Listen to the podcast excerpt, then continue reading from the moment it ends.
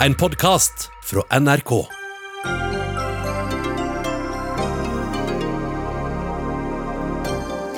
Svaret på gåten i en av verdens mest etterforskede drapssaker, Palmedrapet, har ifølge påtalemyndigheten vært rett foran nesa på politiet. Men klarer svenskene slå seg til ro med konklusjonen?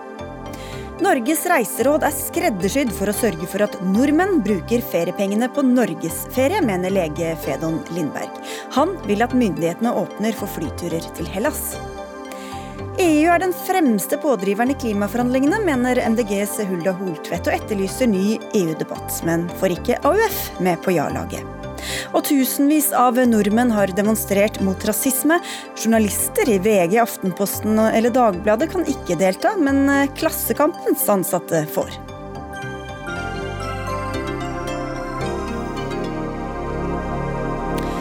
Du lytter til eller ser på Dagsnytt 18. Jeg heter Sigrid Solund.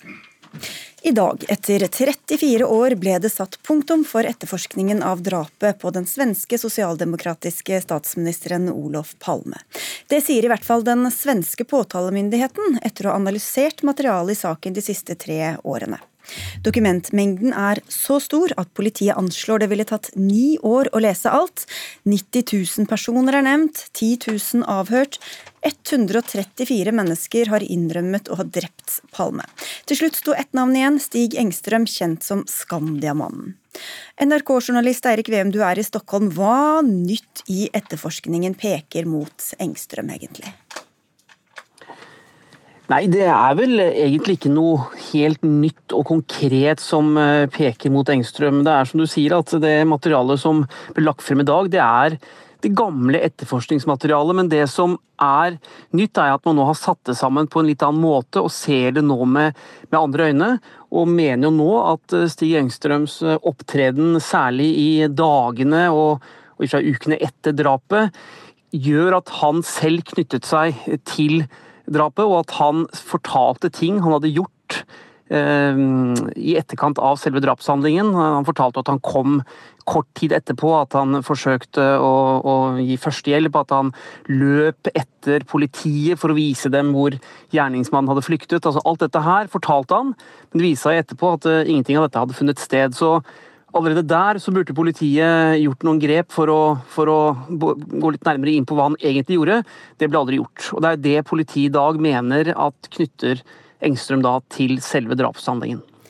Det var jo veldig mye spenning knytta til dagen i dag. Det svenske folket var blitt lovet en avklaring, men etterforskningsleder Christer Petersson virket forsiktig i ordvalget på pressekonferansen i dag. Han konkluderte med at det ikke går an å komme rundt Stig Engstrøm. Så hvor sikre er påtalemyndigheten at det faktisk er han som drepte Palme?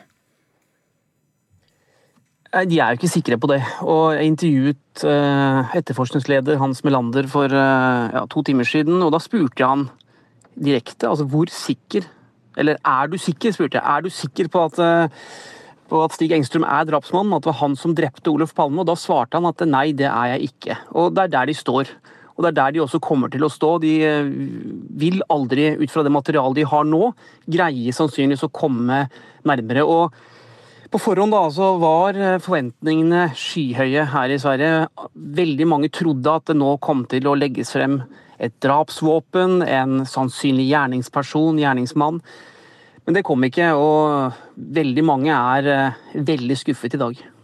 Og nå er jo Engstrøm død. Hvorfor ble han ikke utpekt som eh, mulig gjerningsmann på 80-tallet, på 90-tallet, mens han ennå levde, og kunne blitt tiltalt, dømt, frikjent, i hvert fall avhørt på en annen måte? Det ærlige svaret på det, iallfall ifølge svensk politi, er at de som jobbet med Palme-saken den gangen, de eh, gjorde ikke jobben sin ordentlig. De eh, låste seg inn i et helt annet spor. Og de var rett og slett ikke kompetente til å greie en slik, en, en slik drapsetterforskning. Og eh, selvfølgelig skulle Engstrøm både vært arrestert og, og, og, avhørt, og eh, kanskje også siktet etter hvert eh, på et tidlig tidspunkt. Men i dag så sier jo etterforskningsledelsen at hadde de sittet i etterforskningsgruppen den gangen, så hadde Engstrøm aldri blitt, blitt pågrepet og, og avhørt for, for det de mener var handlinger som knyttet han opp til drapshandlingen. Vi skal komme litt tilbake til det, men helt kjapt før vi gir slipp på deg, Erik. Hva, hva, er reaksjonen i Sverige i dag om denne foreløpige konklusjonen, i hvert fall? Ja, det gikk kanskje ti minutter etter at den pressekonferansen var avsluttet. Så kom de på banen, alle de som har jobbet med Palmedrapet, som har skrevet bøker, som har etterforsket det på egen hånd og eh, uttrykket stor skuffelse. Og det toppet seg vel nå i ettermiddag når eh, et av hovedvitnene gikk ut i en av avisene her og sa at eh, dette er feil. Engstrøm drepte ikke Olof Palme. Der står vi. Takk skal du ha, Erik Wem. En av dem som har fulgt denne saken tett, er deg, Klasse Arvidsson. Du er forfatter av biografien 'Olof Palme med virkeligheten som fiende'. Du er også tidligere redaktør. Si litt først, hvem er denne Skandiamannen som Erik Wem eh, så vidt var innom? Ja, Stig Engström, Skandiamannen, han gir ju då liksom ett intryck av å være litt puslete typ. Han er oppvoksen i Indien. Pappan var direktør der. Eh, kom han tilbake til Sverige som tolvåring blev grafiker och reklamman, gjorde inte alls samma karriär som fadern. han arbetade på försäkringsbolaget Skandia som eh, på Sveavägen. Han eh, var under en period lokalt aktiv i Moderaterna men hamnade i konflikt och lämnade. Han har själv beskrivit sig själv som känslig för andras behov och mottaglig för smicker och ärelysten. I eh, man har också sett efter mordet har han liksom sökt uppmärksamhet från media och från polis. Han eh, tog sitt liv år 2000, 66 år gammal, mm. skild og alkoholiserad. Du eh, skriver på NRK Ytring i dag at uh, denne konklusjonen er et antiklimaks. Hva slags forventninger hadde du til det som skulle komme i dag? Ja, Mot bakgrunn av hvordan utredningsgruppen hadde liksom flagget opp hva som skulle skje i dag, så hadde jeg forventet meg at det faktisk skulle bli en sluttpunkt. Derfor så kjenner jeg meg også ledsen er kanskje å ta til, men jeg kjenner meg veldig besviken over at det ikke har blitt det. Mm. Harald Stanghelle, kommentator i Aftenposten, du har også fulgt Palmesaken siden 1986. Og du er enig, du beskriver konklusjonen som skuffende. Hvorfor er det så skuffende, det som kom fram? Det er som Klas Arvidsson sier, at forventningene var høye. Det var nå det skulle settes en endelig sluttstrek. Det var nå vi skulle få fasiten med to streker under, og så var det ikke det vi fikk. Vi fikk ei eh, sannsynliggjøring om at Stig Enstrøm kan være Olof Palmes eh, drapsmann. Eh, kanskje ei god sannsynliggjøring, men ingen konkrete prov utenom det vi vet ifra eh, tidligere. Så Sånn sett så var dette en eh, skuffelse. Eh, mange hadde nok trodd at det var i dag Sverige skulle kunne legge Palmesaka til side. Dette såret som jevne mellomrom blir slått opp i, i, det svenske samfunnet, men det var ikke det som skjedde. Det er slik også en må, må, må lese skuffelsen. Jeg kan bare tillägga det at det man presenterer, er ju då en indiciekedja. Ingen teknisk bevisning, ingen smoking gun. Og om man da tittar på den här indiciekedjan så ja, det er en indiciekedja. Men at han skulle være skyldig, det skulle da være en otrolig tillfällighet. Så det er ikke sammenheng mellom den konklusjonen de på en måte trekker, og det de faktisk legger frem? Det skulle vært en utrolig tilfeldighet om, mm. om det skulle stemme. Jeg vil nok si at eh, det som eh, statsadvokat eh, Christer Petterson la fram i dag, syns nok jeg er mange gode prosedyrepoeng til. Han ville kunne gått i retten med dette. Det er ei indisiekjede som har mange ting ved seg. Men vi har jo ingen forsvarer til stede. Vi har jo ingen som kan peke på de tvilsomme tingene, de, de, tingene som går an til å, å, å stille spørsmålstegn ved. Så om dette hadde ført til en fellende dom, det er noe helt annet.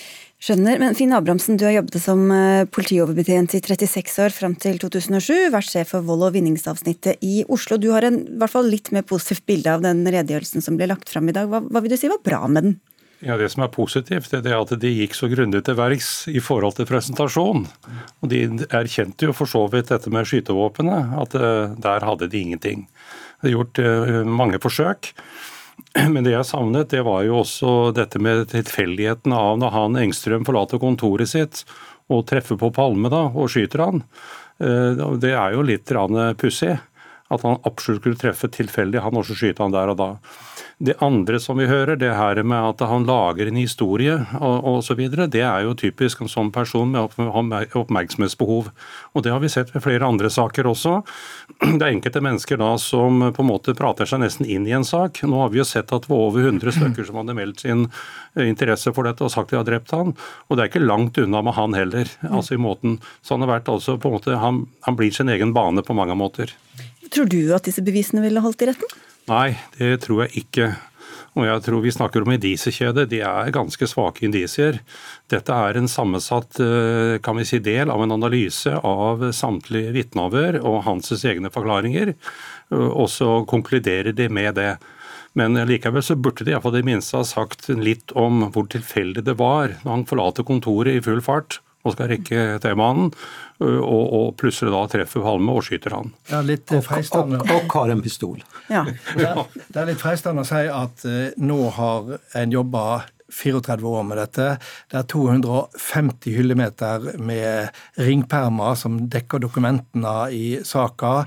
En har gått igjennom alle de andre som var vitne og som var på motstanden, så står en igjen med Stig Bergstrøm, og nå peker en på han etter å ha gjort flere forsøk på å plassere det rykende våpenet som ikke finnes andre plasser. Men nå har det gått veldig mange år. Hva var sannsynligheten for at man kunne forvente at de skulle komme med noen nye beviser og håndfaste og smoking guns, eh, Arvidsson?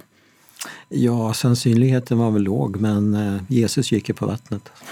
ja, men det som, det som, var veldig klart i dag, eh, og som var nytt, det var at eh, etterforskningslederen slo fast at det er ikke mulig å plassere de to kulene som drepte Olof Palme, og som sneia Lisbeth Palme, til ett bestemt våpen. Så dermed så er denne drømmen og denne trua på at en kan finne våpenet og slik plassere gjerninga hos en person, den kan en bare glemme. Så var det også tatt DNA for ikke så lenge siden. Eh, det er jo sånne ting som øker spekulasjonene om at her var det noe. Sånn at trua på dette, den har vært sterk. De har også vært i Sør-Afrika for å dekke det sporet. Og som ikke førte fram, da. Eh, så, det, så vidt vi vet, så, så, er det ikke det var ikke den konklusjonen, men, men de sier jo samtidig litt tvetydig at dette er interessant. Men så hørte vi fra, fra rapporten fra Sverige her, Finn Abrahamsen, at, at, det ble tatt også en del selvkritikk for hvordan denne etterforskninga pågikk. Du var jo yrkesaktiv eh, underveis eh, her. Eh, hvorfor tror du det gikk galt? Nei, Det var jo først og fremst fordi de hadde en feil ledelse. De må jo ha profesjonelle mennesker som skal lede en sånn alvorlig sak som det er. Og det gjelder jo uansett hvilken sak det er, så må man ha profesjonelle mennesker som håndterer dette. Og han eh, Holmer han ledet denne saken med en jernhånd, og det var hanses, tror jeg, mye av hans eh, tanker som eh, var gjenstand for dette. Og de andre var vel kanskje mest ja-mennesker, og da er det ingen kritikere inne i bildet, dessverre. Og vi så jo også oppstarten til saken var veldig uheldig, fordi at de sikra ikke åstedet. De begynte å pøse på med blomster med en gang, før at nesten sagt det får båret halen med vekk. Og der være en tilfeldig eh, person som finner prosjektilet. Det bare viser egentlig hvor alvorlig og dårlig den etterforskningen var, kriminalteknisk og taktisk, i, i oppstarten på den saken. Og eh, Det så vi også når vi var der borte. Jeg var faktisk i Stockholm umiddelbart altså etter dette. For noen møter vi hadde i en annen sak, og vi så jo Holmer med følget sitt.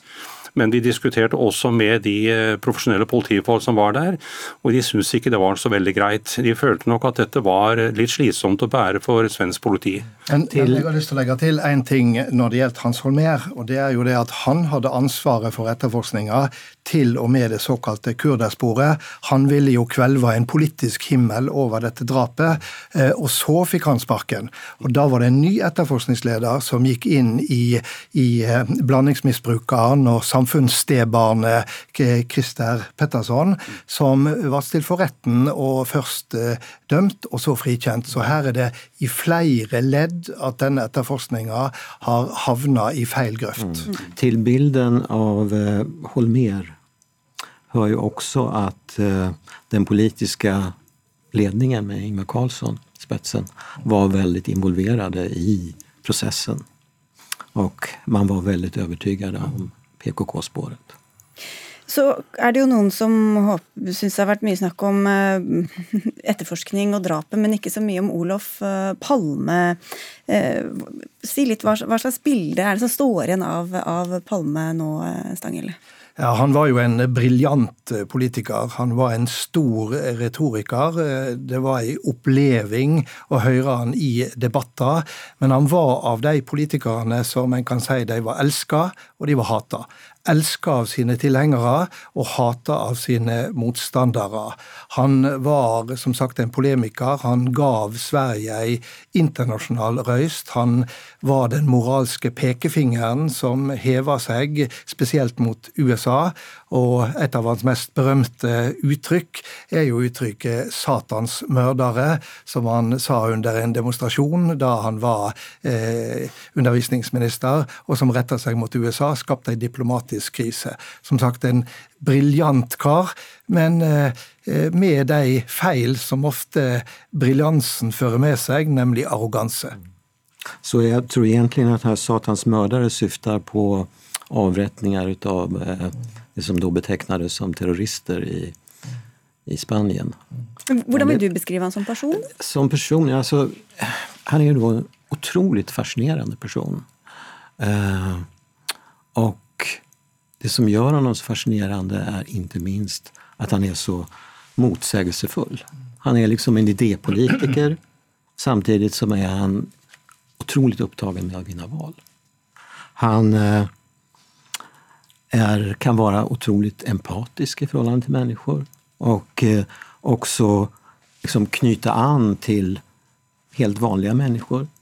Samtidigt som han för samtal i världens huvudstäder med statsledare som uppskattar honom otroligt mycket. Han kan hålla briljanta tal. Samtidigt så kan han vara nedlåtande och uttrycka sig på ett sätt som skulle vara helt oacceptabelt idag. Han er en motsägelsefull person, precis som hans politikk. Men han var ei stjerne på den sosialdemokratiske himmelen i Norden. Og det er jo ingen tvil om at han var en eh, politiker fra et lite nøytralt land som skapte seg et internasjonalt eh, navn som svært, svært få er i stand til.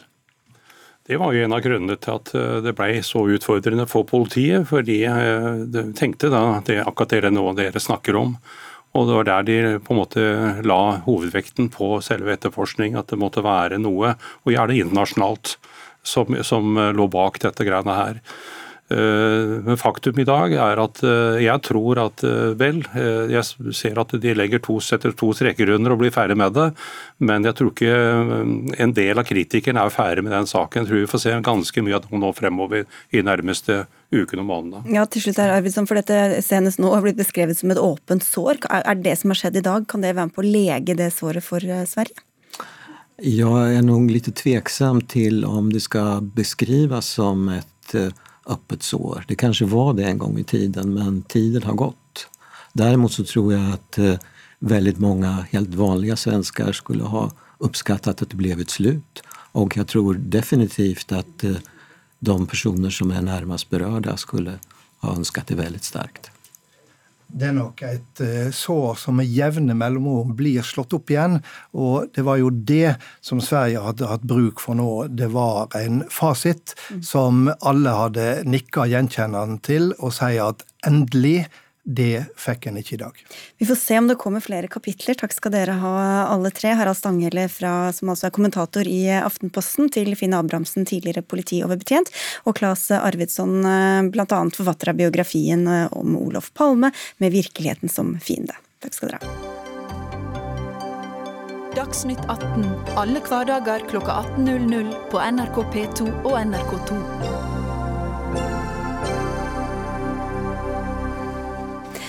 Mange nordmenn er veldig usikre på hva slags ferie de går i møte i eh, sommer. Flyselskapene vet ikke hvor mange avganger det er vits i å sette opp, og reiseselskapene vet ikke om de får solgt noen reiser. Og mens en rekke land i Europa har åpnet opp for norske turister, så setter Utenriksdepartementet fortsatt foten ned for eh, det vi kan kalle klassiske sydendestinasjoner, fram til 20. august, foreløpig i hvert fall. Men i en kronikk i VG tar du til orde for at vi bør få reise til f.eks. Hellas, Fedon Lindberg. Du er lege, forretningsmann og også opprinnelig fra Hellas, kan vi jo nevne. Hvorfor er du så skeptisk til disse norske reiserådene? Nei, altså, Jeg mener at uh, i hvert fall et reiseråd må ha en uh, rasjonal bak, som er og må være smittevern i, i den sammenhengen vi, vi, befinner oss nå. Uh, og Ut ifra det, så, og hvis det er slik, så, så har jeg full forståelse for det. Det som vi imidlertid ser, det er at det finnes flere land det finnes flere land som har hatt veldig mye smitte og veldig stort problem, og så har de andre som har hatt veldig lite, mye mindre enn Norge også. Eh, og som har hatt en stor eh, kostnad for disse landene å gjøre det. Eh, og som er veldig avhengig av turisme. Så det er jo eh, Med mindre man tror at vi kommer til å ha Norge stengt for utlandet og omvendt liksom i, til man har vaksine og alt dette her, det tror jeg ikke på, eh, så må man jo egentlig tenke på en måte Hva gir mening? Mm. Og det f.eks. å ikke reise til land som har mindre spredning enn i Norge, en, det, det, er, det, gir ikke mening, og spesielt når man åpner for Danmark, som har hatt dobbelt så mye smitte enn Norge. For Du eh, er jo inne på motivet, som kan være motivene her også i kronikken din, og du sier at Norge har skreddersydd reiserådene utenlands for å sette fart i egen turisme, og ikke med tanke på smittevernhensyn. Men hvordan belegger du det? Nei, altså For det første så, det, det aller viktigste det er uh, hva er argumentasjonen for å gjøre det her, om man virkelig har smittevern eller ikke. Jeg har ikke forståelse, jeg er veldig glad i Danmark og dansker, sånt, så det er ikke det, men jeg, ikke, jeg forstår ikke egentlig denne, måte, denne avtalen som man har til et land som har mer smitte det er jo én ting. Eh, Norge, og attpåtil eh, hvor man skal eh, reise og måtte være seks dager. Og, og, og, så kan man være i København og spise på dagtid osv. Man kan ikke overnatte. For meg, for meg, så virker Jeg kan ikke helt se egentlig logikken bak dette. Så enten så er det slik at det finnes gode smittevern messige argumenter for å gjøre dette her, eller så må man egentlig nå Jeg vet har pågått altså dialog med flere land eh, tidligere i forhold til å åpne, og hvor det må være basert nettopp på at det er trygt å reise dit i forhold til smitte. Du skal få svare på dette, Trude Måseide, kommunikasjonssjef i Utenriksdepartementet, men først si noe om hvor, hvor tungt har hensynet til norsk reiseliv eh, internt i Norge veid eh, når dere har utformet disse rådene? Ja, Altså jeg kan si at når det reiserådet kom på plass, da var vi i en situasjon der det å reise ut i verden plutselig ble nesten umulig. Utenriksdepartementet sine reiseråd er vanligvis ved krig i et enkelt land eller en naturkatastrofe, og en sjelden gang også basert på smittevern. Men plutselig så traff land store tiltak som gjorde at de stengte ned luftrom, og det var også smitte. Og dermed så kom vi for første gang med et globalt reiseråd der vi fraråder alle ikke-nødvendige reiser til alle land i verden. Og nå er vi i en prosess der vi begynner å se på hvordan skal vi lette på dette reiserådet. Da, så det var utgangspunktet for, for, Reiserådet. Men har dere også skult til at det er kjempebra for norsk næringsliv om alle ferierer i Norge? Nei, altså det er ikke det som har vært eh, bakgrunnen for dette reiserådet. Det som har eh, også blitt sagt, er at vi skal nå begynne gradvis og kontrollert å se på hvordan vi kan gjøre en gjenåpning. Og da begynner vi med Norden og ser på de nærmeste landene. Jeg skjønner, jeg skjønner godt eh, ønsket om at vi skal, nordmenn skal kunne reise til Hellas, så vil jo bare få sagt det at Hellas er en norsk feriefavoritt og et land som som nordmenn har stor kjærlighet til og ønsker å reise til. Og det er også veldig forståelig at eh, Hellas har et behov for å få åpna opp for turismen sin igjen. Sånn at, men vi begynner gradvis og kontrollert. Begynner med Norden, og så vil vi se videre på Europa. Hvorfor Norden? Det er fordi at det er de nærliggende landene, og det har også vært sånn i, eh, i Europa at en også har sett på nærliggende land og så utvida. Sånn at, er noen land som har gjort det, men, ja. men uh, Hellas eksempel, har ikke gjort det. De har, og de åpner for 19 land basert på presis på hvor stor smitte det har vært, og ikke hvor mange turister som normalt reiser derfra. Så, så jeg, jeg, kan i hvert fall ikke se helt rasjonale For meg så er det litt sånn Det er kanskje, kanskje sympatisk kanskje å stemme på hverandre på Melodi Grand Prix, akkurat som Hellas og Kypros gjør, og mange irriterer seg for det. Eh, men jeg tror at her må det være noen prinsipper bak. Det er ikke så viktig, det er Derfor så har man ikke åpnet for Sverige, ikke sant? og Danmark ønsket jo ikke å åpne for Sverige. Så jeg ser ikke helt egentlig, Det må være et prinsipp som er basert på smittevern og, og, og, og hvor trygt det er, ikke, og ikke på hvor nært det er. Og Der er vi jo ikke uenige. Sånn at Nå jobbes det jo nettopp med den type prinsipper, som en da først vil se på for Norden innen den 15. juni, og så vil en innen 20. juli, og altså Eh, se på hvordan det blir for europeiske land. Og vi har jo ikke noe ønske om å opprettholde det reiserådet lenger enn nødvendig.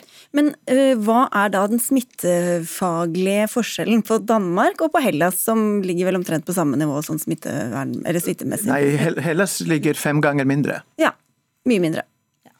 Det som er forskjellen, er at vi har valgt, eh, gjort et valg om å begynne med de nærliggende landene og se på de først, og så vil en se på europeiske land. Og så vil en utvikle prinsipper som da handler om bl.a. smittevern aller mest, for å se på hvor, hvordan kan vi åpne for reising mellom Norge og andre land. Så det arbeidet pågår nå, og det vil vi komme tilbake med mer informasjon om. Men hva, uh, Fedon Lindberg, dette er jo litt parallelt til da vi skulle åpne opp Norge også, så var det først noen næringer og så noen til. Altså Hva slags kontroll får man hvis man bare åpner for hele Europa f.eks.? Jeg syns ikke at man skal åpne for hele Europa. Med masse forskjellige land, da? Nei, det er heller ikke masse forskjellige land. Det må være noe rasjonalt. Det må være egentlig akkurat som Det har vært noen, noen tanker bak hvorfor man åpnet det man åpnet først og, og sist. Her har du det rare at man åpner bare for det det som er nærmest, og på en litt sånn rar måte, istedenfor å åpne for de som har minst spredning. Så, så, så, her er det jo egentlig Det jeg har som, på en måte som, som problem, det er jo ikke at, at man skal Jeg, jeg syns det er veldig fornuftig å ikke åpne for alle land som har mye smitte, og som fortsatt egentlig sliter med, med, med mye spredning, som f.eks. Storbritannia osv. Men hvis, når Hellas åpner for andre land, så vil jo da Norge indirekte få også kontakt med mennesker fra andre land, sånn at man får jo da mindre kontroll over hvem Men Hellas åpner for 19 land som har la, veldig lav smitte. Og det er derfor sånn sett Statistisk sett så kan du ikke få mye smitte fra land som har lav smitte. Det er jo egentlig tanken bak altså Det smittevernmessige er jo egentlig ivaretatt på denne måten. Og, og erkjennelsen at vi kan ikke ha verden stengt i to år. Det kan vi ikke ha. Det, du det kommer nye råd 20. juli, eller kanskje kommer nye Innen 20. juli. Hva, hva skal til for at f.eks. og Lindberg kan besøke familien da etter ja. 20. juli? Det er nettopp eh, det vi jobber med å få utreda og få på plass fra smittevernsmyndighetene, sånn at vi får lagt gode kriterier og et godt system, en god ordning på plass for det. Både for at nordmenn skal kunne reise ut, og at andre skal kunne reise inn. Men Norge har jo iverksatt de strengeste tiltakene siden andre verdenskrig. Og vi har innført strenge reiserestriksjoner, og det har gitt store resultater. Og da må vi ta vare på det. Og da gjør vi da den gjenåpningen gradvis og kontrollert. Og så sier du at det er usolidarisk, Lindberg. Hvordan er det? Ja, fordi eh, jeg mener i hvert fall at vi, eh, enten så bruker man altså at det ligger faktisk gode argumenter for smittevern i bunn, da aksepterer jeg det.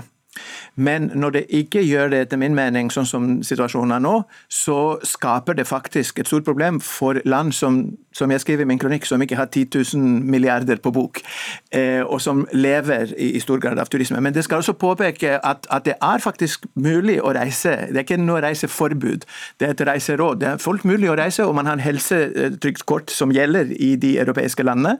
Eh, så det man har problemer med per i dag, det er jo eh, til, i hvert fall til en viss grad, det er forsikring Mm. reiseforsikring. Men ut fra den logikken så skal man åpne for land som er mer avhengig av turisme enn andre, da? Hvis Nei, man skal være solidariske? Man skal være solidarisk og ta hensyn til smittevern samtidig. For Da kan man velge de land som faktisk har veldig lav smitte. Så jeg er ikke for en åpning til alle mulige land, uansett hvilke problemer man har. Her har man en situasjon hvor man faktisk har åpnet for et land som har mer smitte enn Norge, og som har mye mer smitte enn f.eks. Hellas eller Kroatia eller andre. Man kan altså reise, men det er ikke sikkert man slipper inn, og det er ikke sikkert man kommer seg hjem. Det... Oh, jo, det gjør man. Det er nettopp det som er poenget. det er at Hellas, for eksempel, som jeg vet mye om, og jeg vet også om Kroatia, eh, de har åpnet for 19 land herunder Norge. Det blir ingen testing, og det blir ingen eh, karantene. Men fra andre land så er det altså innreiseforbud, faktisk. Og så Måseide, det, apropos Norden, så det, har det også vært varsla nye, eller potensielt nye råd innen 15. juni. Når kommer de?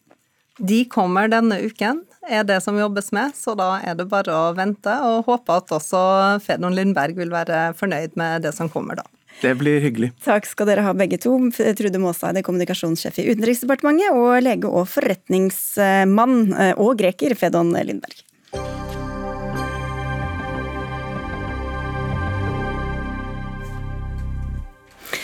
Bør journalister delta på demonstrasjoner mot rasisme og andre markeringer? Se der er norske redaktører uenige, og to av dem venter på å komme inn hit i studio snart. Men nå. Venstresida må ta opp EU-spørsmålet, og medlemskap i unionen er en forutsetning for å nå togradersmålet. Det er budskapet i en artikkel i Aftenposten med deg som avsender, Hulda Holtvedt, du er talsperson i Grønn ungdom. Hvorfor kommer du med dette utspillet nå, midt oppi en ikke-eksisterende EU-debatt? Jeg gjør det fordi jeg mener at vi trenger en EU-debatt der miljøbevegelsen og venstresiden går foran og sier ja. For de utfordringene vi møter i dette århundret, klimaendringer, migrasjon, personvern, skattlegging av gigakonserner, krever forpliktende internasjonalt samarbeid, og EU er den beste arenaen for det nå. EU er ikke bare et marked, det er også et politisk fellesskap som handler om å løse grenseløse utfordringer og gi bedre liv til millioner av europeere. Og det mener jeg må være vår inngang til debatten. Men den er jo veldig lite levende. og Halvor Andrerud, du er sentralstyremedlem i AUF og leder av klima- og ressursutvalget. Hvorfor skal venstresida stadig lene seg til et eh, nei-standpunkt, hvis EU betyr mer fellesskap, eh, bedre klimaløsninger og mer solidaritet?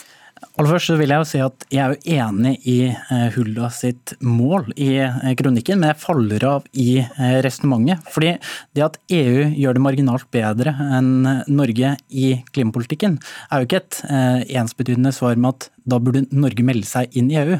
Det er heller et, eh, en klar kritikk og en oppfordring til den norske regjeringa om at det, eh, det, arbeidet med å kutte klimagassutslipp går altfor sakte. og Derfor er jo det hovedtingen jeg ønsker å spille opp. At den debatten vi trenger i Norge er hvilken retning vi skal i klimapolitikken fremover. Og Der håper jeg MDG er med. Ja, logikken blir da Holtvedt at hvis MDG hadde sittet i regjering, så hadde det ikke vært så nødvendig med EU-medlemskap, eller? Kanskje ikke, men så er det ikke sånn at EU gjør det marginalt bedre enn Norge i klimapolitikken. De har kuttet utslippene med over 20% siden 1990, og våre utslipp er fortsatt høyere enn de var da FNs første klimarapporter kom i 1990. Og Det er bl.a. Arbeiderpartiet sitt ansvar. Og så er det sånn at Vi kan underlegge oss noe av EUs klimapolitikk gjennom EØS-avtalen, men debatten om energimarkedspakken viser at det absolutt ikke er noe selvfølge at Norge er for klimapolitikk fra EU. Energimarkedspakken skulle tilrettelegge for utveksling av fornybar kraft over landegrensene. og Det var AUF mot, fordi de mente at det truet norske interesser. Og Poenget her er jo at hvis alle land først og fremst skal være opptatt av sine interesser, så får vi ingen klimapolitikk. og Det er derfor vi trenger forpliktende internasjonalt samarbeid. og Det er også derfor at de grønne partiene i Europa jevnt over er de mest EU-positive. og Det mener jeg vi kan lære av her hjemme, og at ikke minst mitt eget parti kan. Og Hvis du ikke gjør dette om til en ACER-debatt, Endre Ruud, men tar det overordna, da? Mm, eh, og jeg mener jo at eh, Hulda har mange gode poenger når det kommer til at Norge gjør for lite i klimapolitikken. Og der mener jeg at eh, dagens regjering, som har styrt i åtte år og ikke kutta nok i utslippene, må ta en stor del av ansvaret, og så må vi peke ut en ny retning for landet videre. Men Norge skal komme seg ut av to kriser nå. Det ene er at vi skal sørge for at vi bekjemper klimakrisa og kutter utslipp, men samtidig at vi bruker rød politikk og bekjemper ulikhetskrisa som vi ser i samfunnet vårt. Og og Da må vi ha en ny retning for landet vårt. Og den, eh, Der håper jeg at MDG blir med i et nytt fellesskap som skal peke ut en ny retning i åra som kommer. Men hvordan skal da store internasjonale kriser løses uten store internasjonale institusjoner? Klimakrisa er jo en global krise, og derfor mener jeg at eh, jeg som internasjonalist ønsker jo ikke heller å begrense den eh, innsatsen vi skal gjøre til Europas landegrenser. Jeg mener at Norge som Hvordan syns du FN har lyktes så langt? Jeg mener at eh, mange land og store institusjoner har svikta i arbeidet som har vært hittil. Jeg mener at det ikke betyr at vi ikke skal peke på EU, og at man ikke skal peke på eh, eh, mer internasjonalt samarbeid. Jeg tror man trenger mer av begge deler. Både et samarbeid opp mot Europa og et samarbeid opp mot de andre internasjonale statene. Olfett. Problemet er at det vi har nå er jo ikke å samarbeide opp mot Europa. Vi er passive mottakere av lovgivning fra EU gjennom EØS som vi kunne påvirket gjennom medlemskap. Og Jeg er også med i Det grønne fordi jeg mener at miljøbevegelsen ikke kan stå utenfor forhandlingsrommene og bare demonstrere. Vi må også sitte i forhandlingsrommene, selv om det ikke er ideelt, for å være med å påvirke. Og Den grønne gruppen i Europaparlamentet kjemper systematisk for både bedre klimapolitikk og mer sosial utjevning og et bedre arbeidsliv. og Det er jo sånn vi får til endring i EU.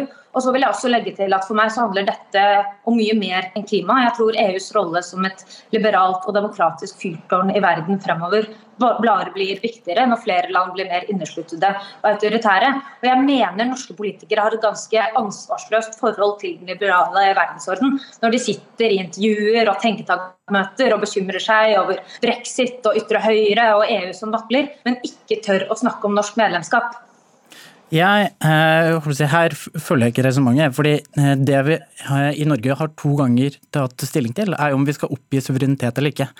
Og Det Hultvedt her inviterer oss til, er jo å oppgi suverenitet til det EU-parlamentet som sitter i dag.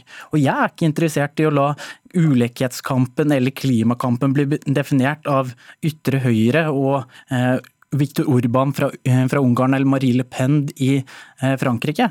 Jeg tror ikke det er der man finner løsningene for bærekraftige løsninger, verken for klima eller for å få oss ut av den uh, ulikhetskrisa vi er inne i. Så jeg tror vi heller må starte med å endre det norske samfunnet og det norske parlamentet, heller enn å skulle starte å endre hele Europaparlamentet. Holtvedt, du sier jo til Aftenposten at du har tvilt deg fram til dette standpunktet, så hvilke svakheter ser du ved, ved EU som teller mot? Jeg mener at det er eh, ting med EU som kanskje kan true norske interesser. F.eks. at vi får en begrenset mulighet til å føre en selvstendig landbruks- og fiskeripolitikk. Eh, men jeg mener at vi altfor lenge har hatt en EU-debatt som handler eh, kun om norske interesser, og ikke om EU i det store og hele er bra for verden. Og jeg mener at Hvis vi i det store og hele mener at EU er bra for verden, så bør vi være med å ta ansvar ved å melde oss inn og opprettholde EU som en velfungerende og legitim og fredsbevarende institusjon. Og hva, hadde, hva teller for deg, endrer du?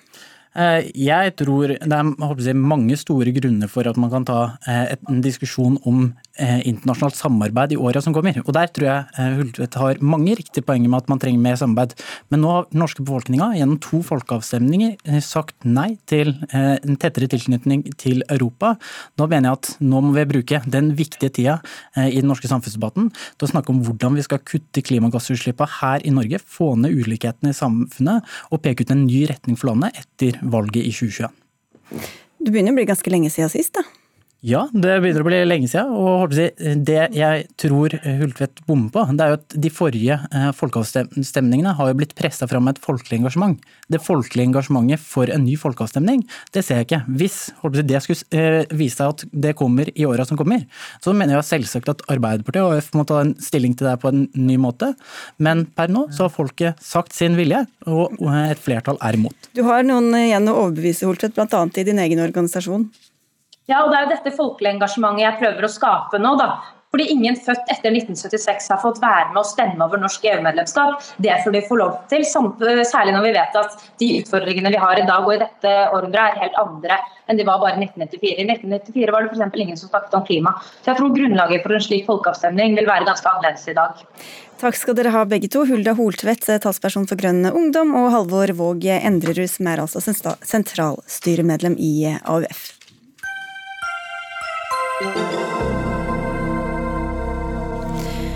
I åtte år har Direktoratet for e-helse jobbet med å utvikle en løsning som skal gjøre det enklere for de ulike delene av Helse-Norge å snakke sammen. Mange løsninger er blitt vurdert, men nå har de landet på Akson, en felles journalløsning i kommunene som også skal snakke med andre tjenester, som sykehus og barnevern, f.eks. Løsninga skal være i bruk hos de første kommunene i 2025, og har en prislapp på 22 milliarder kroner. Men Legeforeningen er ikke fornøyd, skriver Aftenposten. Og Kjartan Olafsson, du er leder for IT-utvalget der. Hvorfor synes ikke dere at dette er en god løsning?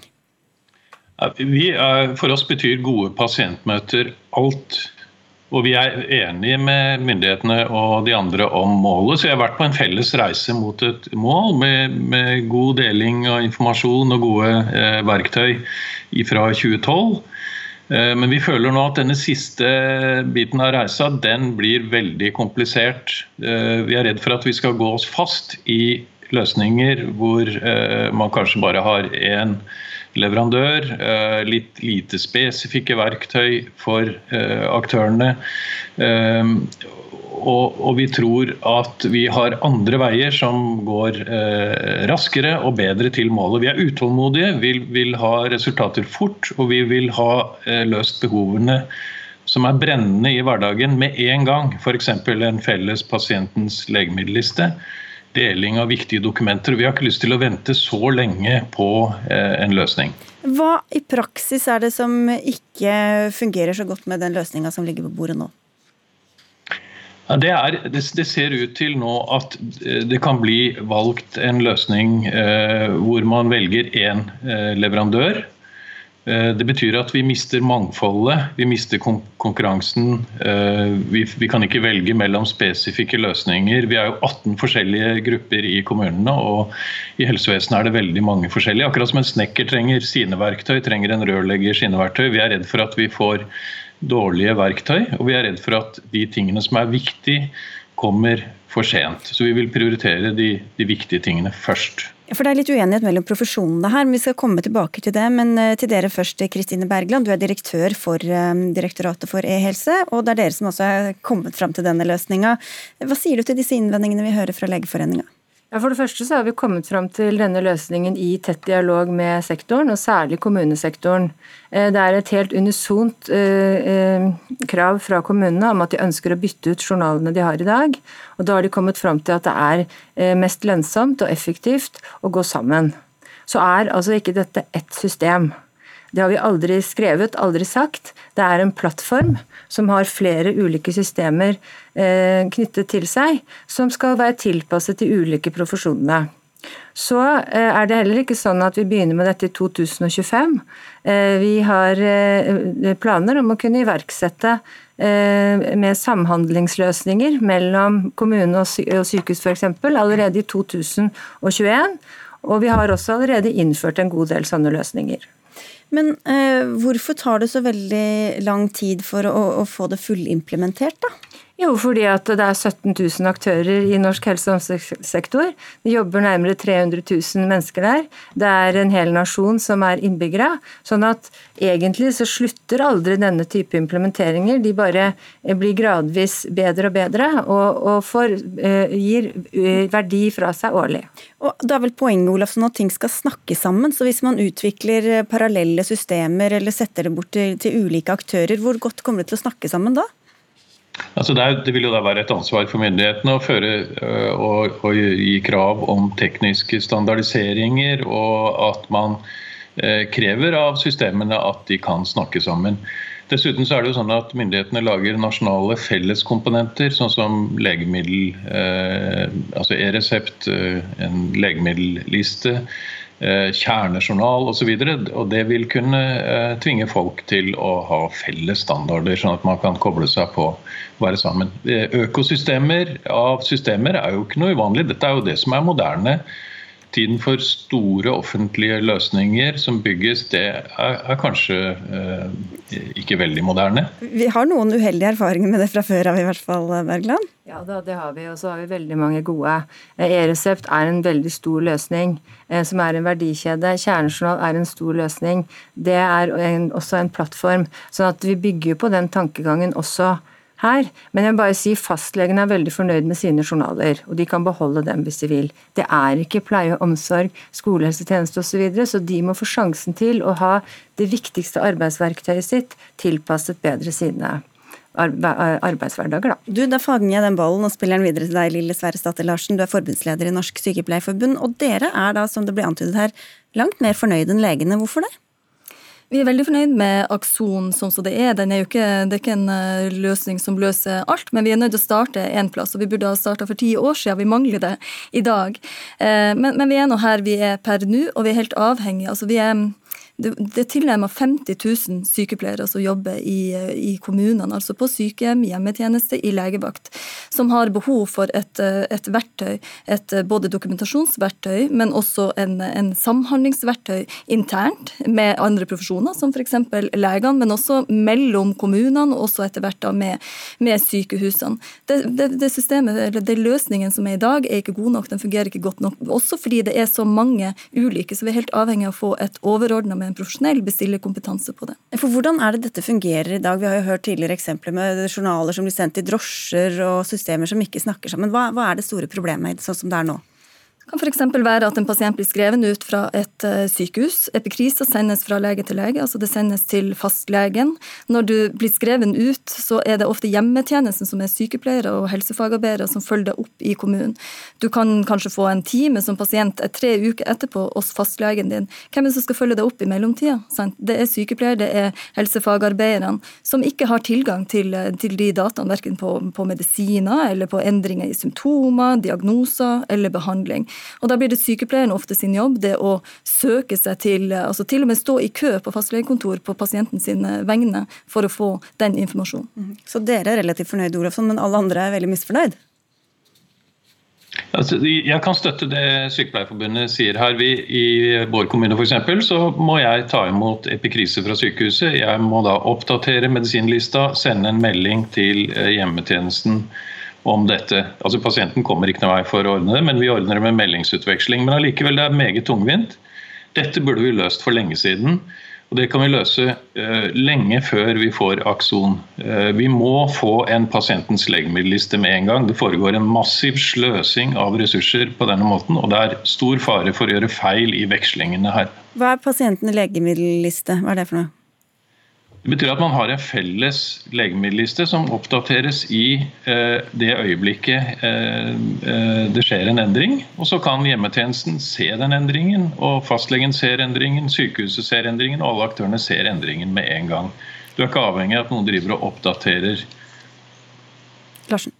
Og Vi er veldig enig i det, og det er viktig å få på plass eh, fort. og sånn som jeg forstår Akson, så, så er det en, en, løsning, en plattform som kan integrere flere ut av de andre ulike. og Som Kristine også er inne på fra starten av, det betyr jo ikke at vi må vente til i 15 år før det kommer på plass. Det kan vi få på plass eh, relativt kjapt. Nå er det også sånn at det ikke bare er legemidler, ikke sant? og det er det som er innenfor sykepleiertjenesten. altså For sykehjem og hjemmetjeneste så er det langt mer enn det veiledere for eksempel, som gir beslutningsstøtte på smerte, på trykksår, på angstbehandling, sårbehandling. Eh, per i dag står det i perma. Vi trenger å få det inn i en løsning som kan være både med tanke på kvalitet, med tanke på samhandling og ikke minst på pasientsikkerhet. Så har legene og sykepleierne da ser litt ulikt på det, har litt ulike behov. Hvilke behov bør vektlegges mest, mener dere? Oppgaveløsning rundt pasienten og det å få til et, en løsning som, som gir, gir, gode samhandlingsmuligheter, både internt som sagt, mellom profesjoner og mellom, mellom, kommuner og mellom sykehus, men som da gir pasientsikkerhet og høyere kvalitet. og da trenger man? Da trenger vi Akson. Akson. Men, men er, jeg er helt enig, men vi trenger det mye tidligere enn Akson. Uh, vi trenger ikke vente på Akson, vi kan gjøre disse løsningene tidligere.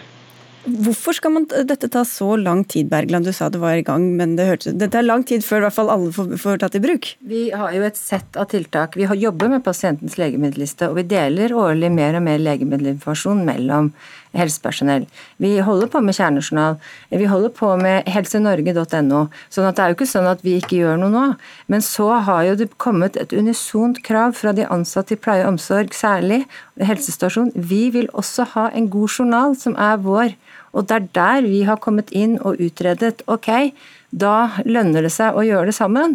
Men det er jo ikke det eneste vi skal gjøre. Vi skal gjøre, vi, Jeg lover både fastleger og andre, vi har jo fullt trøkk også på løsninger som kan understøtte de tingene som blir nevnt her. Men hvorfor må det som funker bra for sykepleierne ikke være bra for legene? Jo, men det er, det er det. Eh, det er bare det at fastlegene de lever jo eh, har jo egne små virksomheter rundt i Norge, og de har sine journalsystemer. Og det er de fornøyd med. Men sykepleierne er ikke fornøyd med de journalsystemene de har. Så da skal vi, har vi anbefalt, da bør dere anskaffe noe i de kommunale tjenestene sammen. Ok, Olofsson, Det høres ut som eh, noen mener dere tenker mest på dere selv? Nei, vi er, vi er, veldig opptatt av at sykepleierne får bedre systemer. Vi har jobbet hardt for det, sendt brev til departementet og så videre i flere år om at pleie- og omsorgssystemene skal bedres. De er altfor dårlige. Det lider også våre eh, medlemmer under. Vi er privilegerte fordi vi har hatt gode leverandører i Norge. Vi var de første som begynte med elektronisk pasientjournal i verden, norske fastleger. Og, og, vi var ti år før sykehusene med elektronisk pasientjournal. Så det er klart at vi har fått en fordel ved lang, dette lange utviklingsløpet. Det er mange ting vi kan endre på og, og forbedre også. Og få bedre samhandling. Men vi er nødt til å få bygge på det som er bra. Og så får man eh, eh endre det som er dårlig. Per nå så er det utallige systemer, altså det er utrolig mange systemer på alle de ulike kommunene, og som sagt fastlegene som selvstendig næringsdrivende som skal gjøre de innkjøpene ut ifra sin kompetanse. Vi trenger en mer profesjonell, overordna bestillerkompetanse, sånn at vi sørger for at det blir gode løsninger både for sykepleier, for lege, for andre helseprofesjoner, og ikke minst for pasient og pårørende. Og det kommer? Det kommer, og jeg bare understreker at det er jo kommunene som skal drive dette videre eh, i fellesskap eh, sammen med staten, og det er også finansiert derfra. Og hvor fort det skjer, får vi bare vente og se på. Takk skal dere ha alle tre. Lille Sverresdatter Larsen, som altså er forbundsleder i Norsk Sykepleierforbund, Kjartan Olofsson, leder for IT-utvalget i Legeforeningen, og Kristine Bergland, direktør i Direktoratet for e-helse.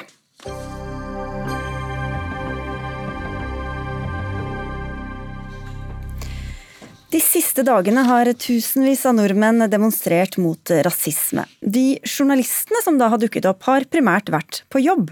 Norske redaktører vil nemlig stort sett at journalistene deres ikke skal delta i demonstrasjoner. Det finnes unntak, skriver Medier24, og det skal vi til snart. Men Tore Handlykken, nyhetsredaktør i VG, hvorfor ser dere helst at deres journalister ikke går i demonstrasjonstog?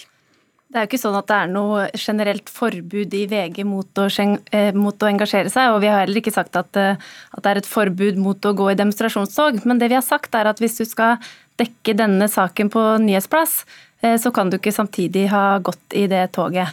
Og det handler om rolla du har som journalist, at du skal være uavhengig. At verktøyet du har, det er å beskrive og observere og dokumentere. Og da mener vi at for VGs del, da, for våre journalister, Eh, at, eh, at, det er riktig at de ikke både kan skrive om saken eh, og delta i demonstrasjonen. Så for alle dem som potensielt kan måtte dekke denne saken, så lønner det seg å holde seg borte?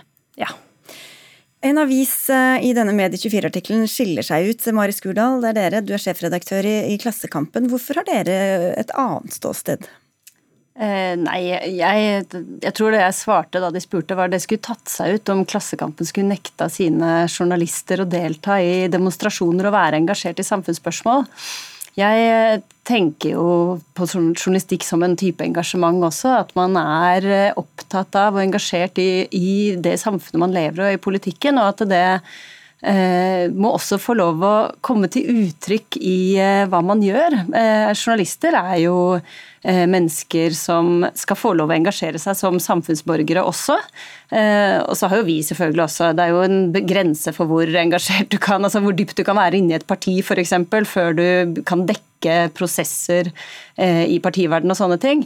Men sånn generelt å delta i demonstrasjoner og sånne ting, det tenker jeg er godt innafor det våre engasjerte journalister bør kunne gjøre. Så en journalist hos dere kan først gå i demonstrasjonstog og så skrive en artikkel om det en uke etterpå? Eh, ja. Og med hvilken troverdighet da? Nei, det er jo opp til leseren, da. Sånn at uh, vi Får de vite jo... at vedkommende har gått i demonstrasjonstog, da? Det får de vel kanskje ikke, men det er jo på en måte en sånn greie at vi har jo en del journalister som, som har tatt uh, som har ståsteder, og de har ståsteder både innafor avisa, men også på en måte uh, ja, i samfunnsspørsmål generelt. Da. Og jeg, jeg, tenker at alle de tingene vi må, jo gå, må jo gå ut og være i verden og finne ut hva som skjer der, og hvordan det ser ut, og, og hvem er det som er der, og hva mener de. Alt dette her må vi liksom suge inn og ta inn i avisa. Og så kan vi krangle internt om de ståstedene, og vi skal også krangle i spaltene, og vi skal ha alle disse ståstedene med. Jeg er jo litt opptatt av at vi ikke skal lage oss noen sånne altfor rigide regler for pressa som gjør at, eh, at vi eh, Altså jeg lurer på hvem lager vi egentlig de reglene for til slutt? Lager vi de for at vi eh, skal tenke at vi har redelighet og integritet i spaltene, eller, eller eh, lager vi de altså, bare for å ha de, fordi at det på en måte tilsynelatende er det. Så jeg tenker at eh, journalister skal få lov å være engasjerte samfunnsborgere, og så skal vi eh, gjøre journalistikken vår skikkelig, ordentlig og redelig overfor kildene. Anniken? Ja, og jeg tenker at Det er nok et litt annet utgangspunkt å jobbe i Klassekampen enn det er å jobbe i VG også. Eh, men for vår del så har vi jo vi sagt at eh, vi skal være uavhengige. Eh, vi er jo en avis for alle, og vi er avhengig av tillit hos alle også.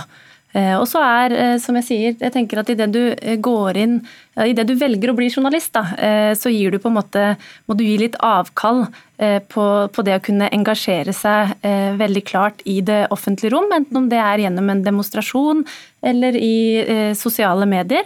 Og så går du inn og skal ha et mer, et mer objektivt utgangspunkt. Men er VG mot rasisme? Eh, VG har eh, i sin stiftelseserklæring så skal vi være brobyggere. Så at vi, som Mari sier, journalister er mennesker, og, det er jo en forskjell på, på de mer sånn eh, allmenngyldige spørsmåla, sånn som antirasisme er, og da går det en akse inn mot det politiske. Men, men det kan jo være litt vanskelig ikke sant? Eh, akkurat å si hvor man skal sette den, eh, sette den grensa. og Derfor har vi sagt at vi, vi mener at det er viktig at du, er, at du, tenker gjennom før du gir uttrykk for meningene dine, uansett hva de måtte være. Men med dette som eksempel, Hvis vi ser bort fra smittesituasjonen, hvorfor skal man ikke da kunne gå i en demonstrasjon som egentlig støtter opp under kjerneverdiene til avisa de jobber for? Fordi verktøy du har eh, som journalist, det er å være til stede og observere. Vi skal dekke det. Og hvis du samtidig skal gå inn og delta, eh, så at eh, så handler det litt om rolleforståelsen din, hvorfor du er der. Eh, og det handler om leserne, at de ikke skal være i tvil om at når du er til stede som en journalist, eh, så er det med utgangspunkt at du skal gå inn og beskrive det du ser, det du observerer, stille spørsmål til alle eh, og lage saker etter det. Du, sa jo noe av det samme, men, men, det du beskrev var jo ting du gjør som journalist. Men i dette tilfellet er det noe man gjør som privatperson. Ja, eh, men jeg lukker jo ikke døra på kontoret, og så eh, er, altså, er jeg en annet menneske. Vi er jo oss sjøl også i vårt virke. Eh, jeg kan skrive på lederplass både hardt og ja, eh, politisk spiss, da. Og så kan jeg gå ut og mene det samme når jeg går ut av kontordøra mi også. Så jeg mener på en måte at vi tar jo med oss engasjementet vårt, og jeg mener at det også er en ganske viktig drivkraft i journalistikken. Og så mener ikke jeg at alle skal gjøre det likt eller være det samme. Jeg tenker liksom at eh, vi tross alt skal ha, ha det ganske godt her i Norge når vi klarer å ha det mangfoldet. At vi også kan ha aviser som, som har et større rom for å være engasjert. da. Men vi har jo også f.eks. Eh, NJ-klubben ikke sant, I, i VG eller Klassekampen. Så Norsk Journalistlag. Norsk Journalistlag. altså den, skal de f.eks. bare kunne jobbe for lønnsvilkår og, og, turnuser, eller skal de også kunne ta politisk stilling i saker? Jeg ville tenkt at, at eh, en faglig klubb også kan ta politisk stilling i en rekke samfunnsspørsmål, eh, og også demonstrere for de, da. Altså, noen som, forskjellen dere har vært inne på er jo at Klassekampen har et tydeligere politisk ståsted, men dere skal jo være et, en avis for hele venstresida, og så finnes det jo saker som splitter venstresida, f.eks. synet på oljeutvinning. Så kan en journalist hos dere gå i en demonstrasjon for eller mot oljeboring? Eh, det, både kan de og har de sikkert gjort. Eh, og det, jeg syns også det er litt viktig for oss at vi klarer på en måte, altså Hvordan vi setter sammen redaksjonen er avhengig av at vi får nok, eh, nok mangfold også inn i redaksjonen. Og nok åpenhet da, som en sånn på en måte journalistisk dyd utenfor, utover det. Og da må vi på en måte få tillit hos våre lesere da, rett og slett i hvordan vi dekker det, og hos kildene ut ifra om vi er redelig anstendige i møte med dem. Mm. For hva slags journalister ender man opp med hvis man på en måte skal skrelle bort alle som har et personlig engasjement? Jeg tror de aller fleste journalister er veldig engasjerte og, og, levende opptatt av samfunnet vårt. Eh, og vi dekker jo også denne saken journalistisk. ikke sant? Det, jo, det som skjer nå i USA er en kjempeviktig sak for VG. Det, måten vi går inn i dette i Norge også, handler om å synliggjøre hverdagsrasisme. sånn at, at journalister er engasjerte det, og, og, er opptatt av samfunnet vårt, det er jeg ikke bekymra for. Hvor går grensa for dere, da? Hva med 1. mai-markeringer, 8. mars-tog, pride-parade? Ja, og de tinga der er jo, der er det ikke noen absolutter, som jeg sier. Så vi går inn og diskuterer. Eh, vi, eh, vi, hvis folk stiller spørsmål, så, så, må vi si det at hvis du skal gå inn og dekke en sak, så er det ikke naturlig at du er til stede. Men for en sportsjournalist så kan jo det vel så mye handle om eh, skal du flagge hvilket lag du heier på. Ja, Det var det vi fikk spørsmål om fra en lytter her nå, og er det greit? Ja, det har vi diskutert masse, ikke sant. Og da går det egentlig ut på det samme. At når du velger å bli journalist, så, så, så gir du avkall egentlig da, på å mene veldig mye og veldig sterkt om det området som du dekker. Og det gjelder enten om det er sportsjournalistikk eller om det gjelder rasisme. Så kan man bli mistenkt for å mene både det ene og det andre uten at det alltid nødvendigvis stemmer heller. Men takk skal dere ha begge to. Sendinga vår er tom for tid. Anne Katrine Førli hadde ansvaret for innholdet i den. Hanne Lunås hadde det tekniske ansvaret. Og jeg heter Sigrid Solund, og vi ses og høres igjen i morgen.